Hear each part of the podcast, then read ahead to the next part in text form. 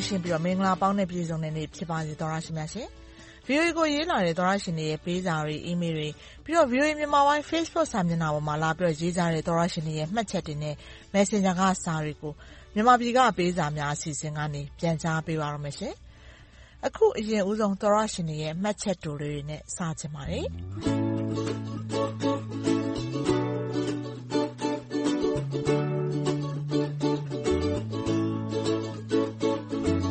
ကျယ်ပြူးဆိုတဲ့သောရရှင်ကမင်္ဂလာပါ။ VOA ကိုတခါမှစာမရေးဘူးလို့ဘယ်လိုရေးရမှန်းမသိပါဘူး။အမြဲတမ်းအားပေးနေပါတယ်။သတင်းရေးချင်တာရောက်လားမသိမရောက်လားမသိလို့အစမ်းရေးပို့လိုက်ပါတယ်တဲ့။ဟုတ်ကဲ့စာရောက်ပါတယ်ကျယ်ပြူးရေ။အခုလိုပဲ Messenger ကနေပြီးတော့အခုရေးတဲ့အတိုင်း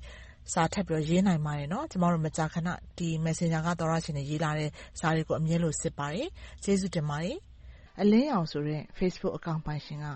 မင်္ဂလာပါ။ VOA ကျနော်တို့ပြည်သူတွေအတွက်ကမ္ဘာကသိအောင်သတင်းတွေကို တင်ပြပေးနေလို့ကျေးဇူးအထူးတင်ရပါတယ်တဲ့အလင်းရောင်ဖြစ်ပါတယ်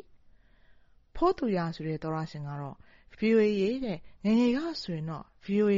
အစီအစဉ်လာတိုင်းအိမ်ကဘာဘာနဲ့ရေဒီယိုလူရပြီနားထောင်ရတာအမောပါတဲ့အခုအဲ့လိုနားထောင်ရတာ15နှစ်လောက်ကြာခဲ့ပြီဆိုတော့ရေးလာပါတယ်ဒါနဲ့တည်းဆိုင်နောက်ထပ်သောရရှင်တယောက်အိမ်မှာရေးလာတာပါမြင့်နိုင်ဆိုတဲ့သောရရှင်မှာ သူက88တုန်းကလည်း VOA Radio ကို ခိုးနားထောင်ခဲ့ရတဲ့ဘဝပါတဲ့ အခု အဲ့လိုမျိုး အတွေ့အကြုံတွေ တကြောပြန်လဲတာကို သူရည်ညွှန်းပုံရပါတယ်တားတာဆောင်ဆိုတဲ့ သောရရှင်ကတော့ မြန်မာပြည်က ပေးစာများ အစီအစဉ်ကို အထူးကြိုက်နှစ်သက်ပါတယ်တချင်းလေးတွေ နောက်ခံထည့်ပေးထားတာကိုလည်း အရန်ခံစားရပါတယ်ဆိုတော့ ရေးလာပါတယ် အောင်နိုင်ဆိုးဆိုတဲ့ သောရရှင်ကလည်း VOA သတင်းတွေအတွက် ကျေးဇူးတင်ပါတယ်ဆိုပြီး အခုလို ရေးလာပါတယ်တာလီစွာပါ VOA VOA က ထုတ်လွှင့်ပြသပေးတဲ့ မြန်မာသတင်းတွေကို မြန်မာနိုင်ငံနဲ့ဝေးတနေရာကနေ သတင်းတွေ နားထောင်လို့ရနေတဲ့အတွက် ကျေးဇူးတင်ပါတယ်။ VOA ရဲ့ ဝိုင်းတော်သူ ဝိုင်းတော်သားများနဲ့အတူ မြန်မာနိုင်ငံသူ နိုင်ငံသားတွေအားလုံး ကျန်းမာပျော်ရွှင်ပြီး ပြည်သူတွေ လိုလားတောင့်တနေတဲ့ ဒီမိုကရေစီနိုင်ငံကြီး အမြန်ဆုံးဖြစ်ပါစေလို့ ဆုတောင်းလိုက်ပါတယ်။ဟုတ်ကဲ့ပါ။ဒီမိုကရေစီနိုင်ငံကြီး အမြန်ဆုံးဖြစ်ပါစေလို့ အားလုံး ရည်တန်ဆုတောင်းနေကြပါတယ်။စိုးမြင့်ဆိုတဲ့ နောက်ထပ် Facebook အကောင့်ပိုင်ရှင်ကတော့ ပွင့်လင်းမြင်သာမှုရှိမှ လူငယ်တွေ အမြင်ကျဲတိုင်းပြည်တိုးတက်မှာ မဟုတ်မမှန် ခိုးကြောင်ခိုးဝှက် မတရားလုပ်နေတာတွေမရ မျက်ကွယ်ဆိုတာ မရှိလောက်မှာလို့ သူ့ရဲ့အမြင်ကို ရေးလာပါတယ်။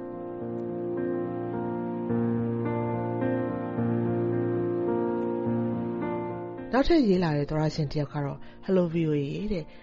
9နာရီကနေ10နာရီ အစီအစဉ်ကို အရင်ကလိုမျိုး YouTube Channel ကနေ လွှင့်ပေးပါအောင်ဗျာတဲ့ Facebook က VPN ကြောင့်လား Internet Connection ကြောင့်လားတော့မသိနားထောင်ရတာအဆင်မပြေလို့ပါ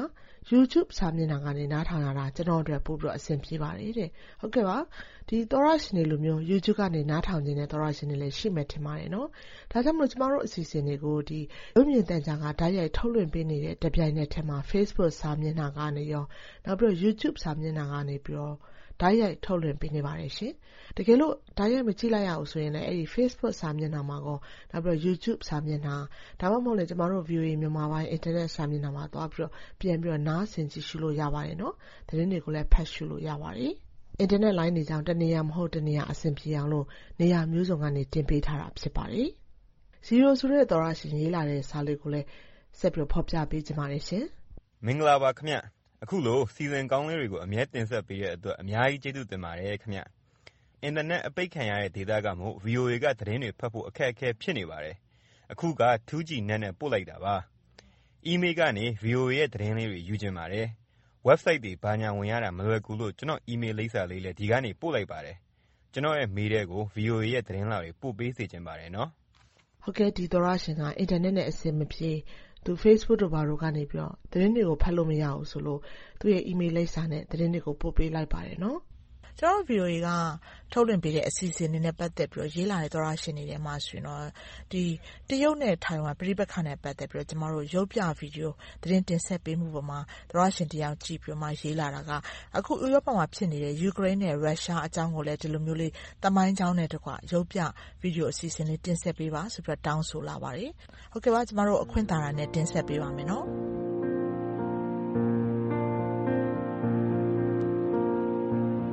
မြန်မာနိုင်ငံက နိုင်ငံရေးအခြေအနေတွေ၊လူမှုရေးရာကိစ္စအဝဝနဲ့ ပတ်သက်ပြီး သောတရှင်တွေ ကိုယ်ပိုင်အမြင်တွေကို လွတ်လွတ်လပ်လပ် ထုတ်ဖော်ရေးသားလာကြတဲ့ စာတွေကိုလည်း VOA က လက်ခံရရှိတာပါ။အဲဒီထဲကစာတချို့ကို အခုပြောပြပေးသွားချင်ပါတယ်။သောတရှင် ဇော်မျိုးသိန်းပါ။သူကတော့ VOA ကို ဟိုးအရင်ကတည်းက အစဉ်အမြဲ အားပေးလာတဲ့ သောတရှင် ဖြစ်ပါတယ်တဲ့။မင်္ဂလာပါ VOA ။ VOA က ပုံမှန်သတင်းတင်ဆက်ပေးသူ တယောက်စီတိုင်းကို ကျေးဇူးအထူးတင်ရှိပါတယ်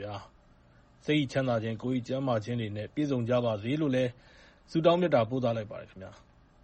VOA ကို အစဉ်အမြဲ အားပေးလျက်ပါ။ကျနော်က ငယ်စဉ်ကတည်းက သေနတ်သံတွေ၊ဗုံးသံတွေကြားမှာ ကြီးပြင်းခဲ့ရတာမို့ စစ်ရဲ့ဆိုးကျိုးကို ကျနော်ကိုယ်တိုင် ခံစားခဲ့ရတာပါ။ဒီလိုပဲ မြန်မာပြည်တဝှမ်းက စစ်ဘေးရှောင်ပြည်သူတွေလည်း စစ်ရဲ့ဆိုးကျိုးကို ခံစားနေကြရပါတယ်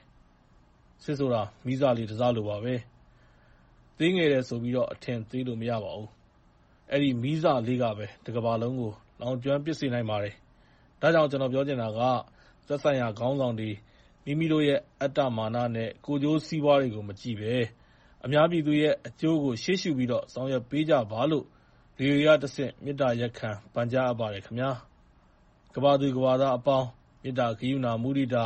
၊ဥပေက္ခာဆိုတဲ့ ဗြဟ္မစိုရ်တရားလေးပါးနဲ့ ယှဉ်တွဲနေထိုင်နိုင်ကြပါစေခင်ဗျာ။ဘယ်လိုအခြေအနေမျိုးမှာ မြန်မာနိုင်ငံကို နိုင်ငံတကာက ကူညီမှာလဲလို့ ဒီသောတရှင် မေးခွန်းထုတ်လာတာ ဖြစ်ပါတယ်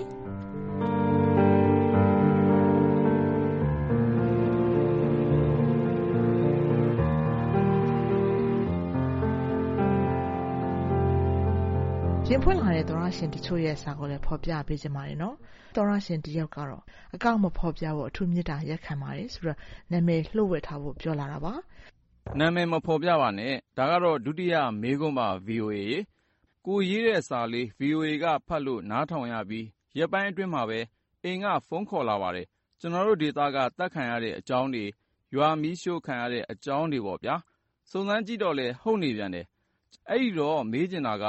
UN တို့၊ EU တို့၊ US တို့၊ ICC တို့က ပြစ်မှုမထင်ရှားသေးလို့လား။ရာဇဝတ်မှု မမြောက်သေးလို့လား။သက်သေ မခိုင်လုံသေးလို့လား။ဘာကို စောင့်ဆိုင်းနေတာလဲ မသိလို့ မေးကြည့်ချင်ပါတယ်။သူတို့က ပြောလိုက်ရင် ပြင်းပြင်းထန်ထန် ရှုတ်ချတယ်တို့၊ကန့်ကွက်ပါတယ်တို့နဲ့ပဲ နှုတ်၏စောင့်မခြင်းနဲ့ပဲ လုပ်နေတာပါ။အဲဒီလောက်နဲ့ မပြီးပါဘူးလို့ ပြောပေးပါ။ VOA ရေ။ကုလသမဂ္ဂအဖွဲ့တွေကို အားမရလို့ပေါ့ဗျာ။ VOA ဝိုင်းတော်သားတွေအားလုံး စိတ်၏ချမ်းသာခြင်း၊ ကိုယ်၏ကျန်းမာခြင်းတွေနဲ့ ပြီးပြည့်စုံကြပါစေလို့ ဆုတောင်းပေးပါတယ်ဗျာ။မြန်မာနိုင်ငံမှာ ဒီလောက် အခြေအနေဆိုးတွေနဲ့ ရင်ဆိုင်နေရပေမယ့်လည်း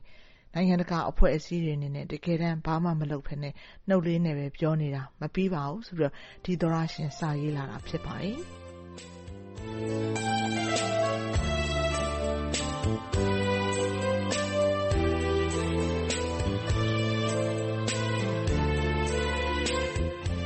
VOA မြန်မာပိုင်းရဲ့ ရုပ်မြင်သံကြားနယ်ရေဒီယိုအစီအစဉ် တင်ဆက်မှုတွေနဲ့ ပတ်သက်ပြီးအကြံပေးဝေဖန်ချင်တယ်။ပြီးတော့ ကိုယ်တိုင်အတွေ့အကြုံနေရတဲ့ အဖြစ်အပျက်တွေ၊နိုင်ငံရေး အခြေအနေတွေနဲ့ ပတ်သက်ပြီးကိုယ်ပိုင်ထင်မြင်ယူဆချက်တွေ ရင်ဖွင့်စာတွေ ရေးချင်ကြတယ်ဆိုရင်ကျမတို့ VOA ကို စာရေးသားဖို့ ဖိတ်ခေါ်ပါတယ်။အီးမေးလ်ကနေ စာရေးမယ်ဆိုရင် burmese@voanews.com ကို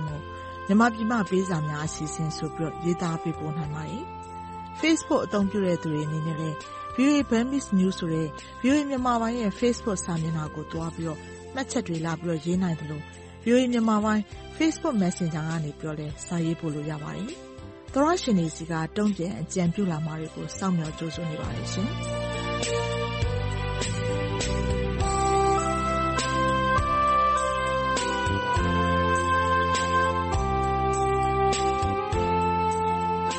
မြန်မာနိုင်ငံနဲ့နိုင်ငံတကာကရေးသားပေးပို့လာတဲ့ VOA မြန်မာပိုင်းသောတရှင်တွေရဲ့ဝေဖန်အကြံပေးစာတွေ၊ရင်ဖွင့်စာတွေနဲ့ဒေသချင်းတောင်းလွှာတွေကိုတနင်္ဂနွေနေ့ညပိုင်းနဲ့တနင်္လာနေ့မနက်ပိုင်းအချိန်တွေမှာမြန်မာပြည်ကပေးစာများအစီအစဉ်ကနေထုတ်လွှင့်တင်ဆက်ပေးနေပါတယ်။ရေဒီယိုကနေဖမ်းယူနားဆင်နိုင်တဲ့အပြင်ရုပ်မြင်သံကြားကနေလည်းထုတ်လွှင့်ပေးနေသလို VOA မြန်မာပိုင်း Facebook စာမျက်နှာနဲ့ YouTube စာမျက်နှာတို့ကနေလည်းထုတ်လွှင့်ချိန်နဲ့တပြိုင်နက်တည်းတိုက်ရိုက်နားဆင်နိုင်ပါတယ်။ လွှင့်ထုတ်ပေးခဲ့ပြီးတဲ့အစီအစဉ်တွေကို Facebook နဲ့ YouTube ပေါ်မှာပြန်ပြီးနားထောင်နိုင်သလို VOA အင်တာနက်စာမျက်နှာနဲ့ဖုန်းပေါ်က VOA App တွေမှာလည်းသွားပြီးနားထောင်ကြည့်ရှုနိုင်ပါတယ်။ကျမတို့ရဲ့ VOA App နာမည်က VOA Burmese ဖြစ်ပါတယ်။ကျမတို့ရဲ့အင်တာနက်စာမျက်နှာလိပ်စာက burmese.voanews.com ဖြစ်ပါတယ်။ကျမအေးသန္တာကျော်ပါ။ VOA ကိုလည်းစာရေးကြပါအောင်နော်။သောတရှင်တွေအားလုံးဘေးအန္တရာယ်ကင်းရှင်း၊ရွှင်လန်းချမ်းမြေ့ကြပါစေရှင်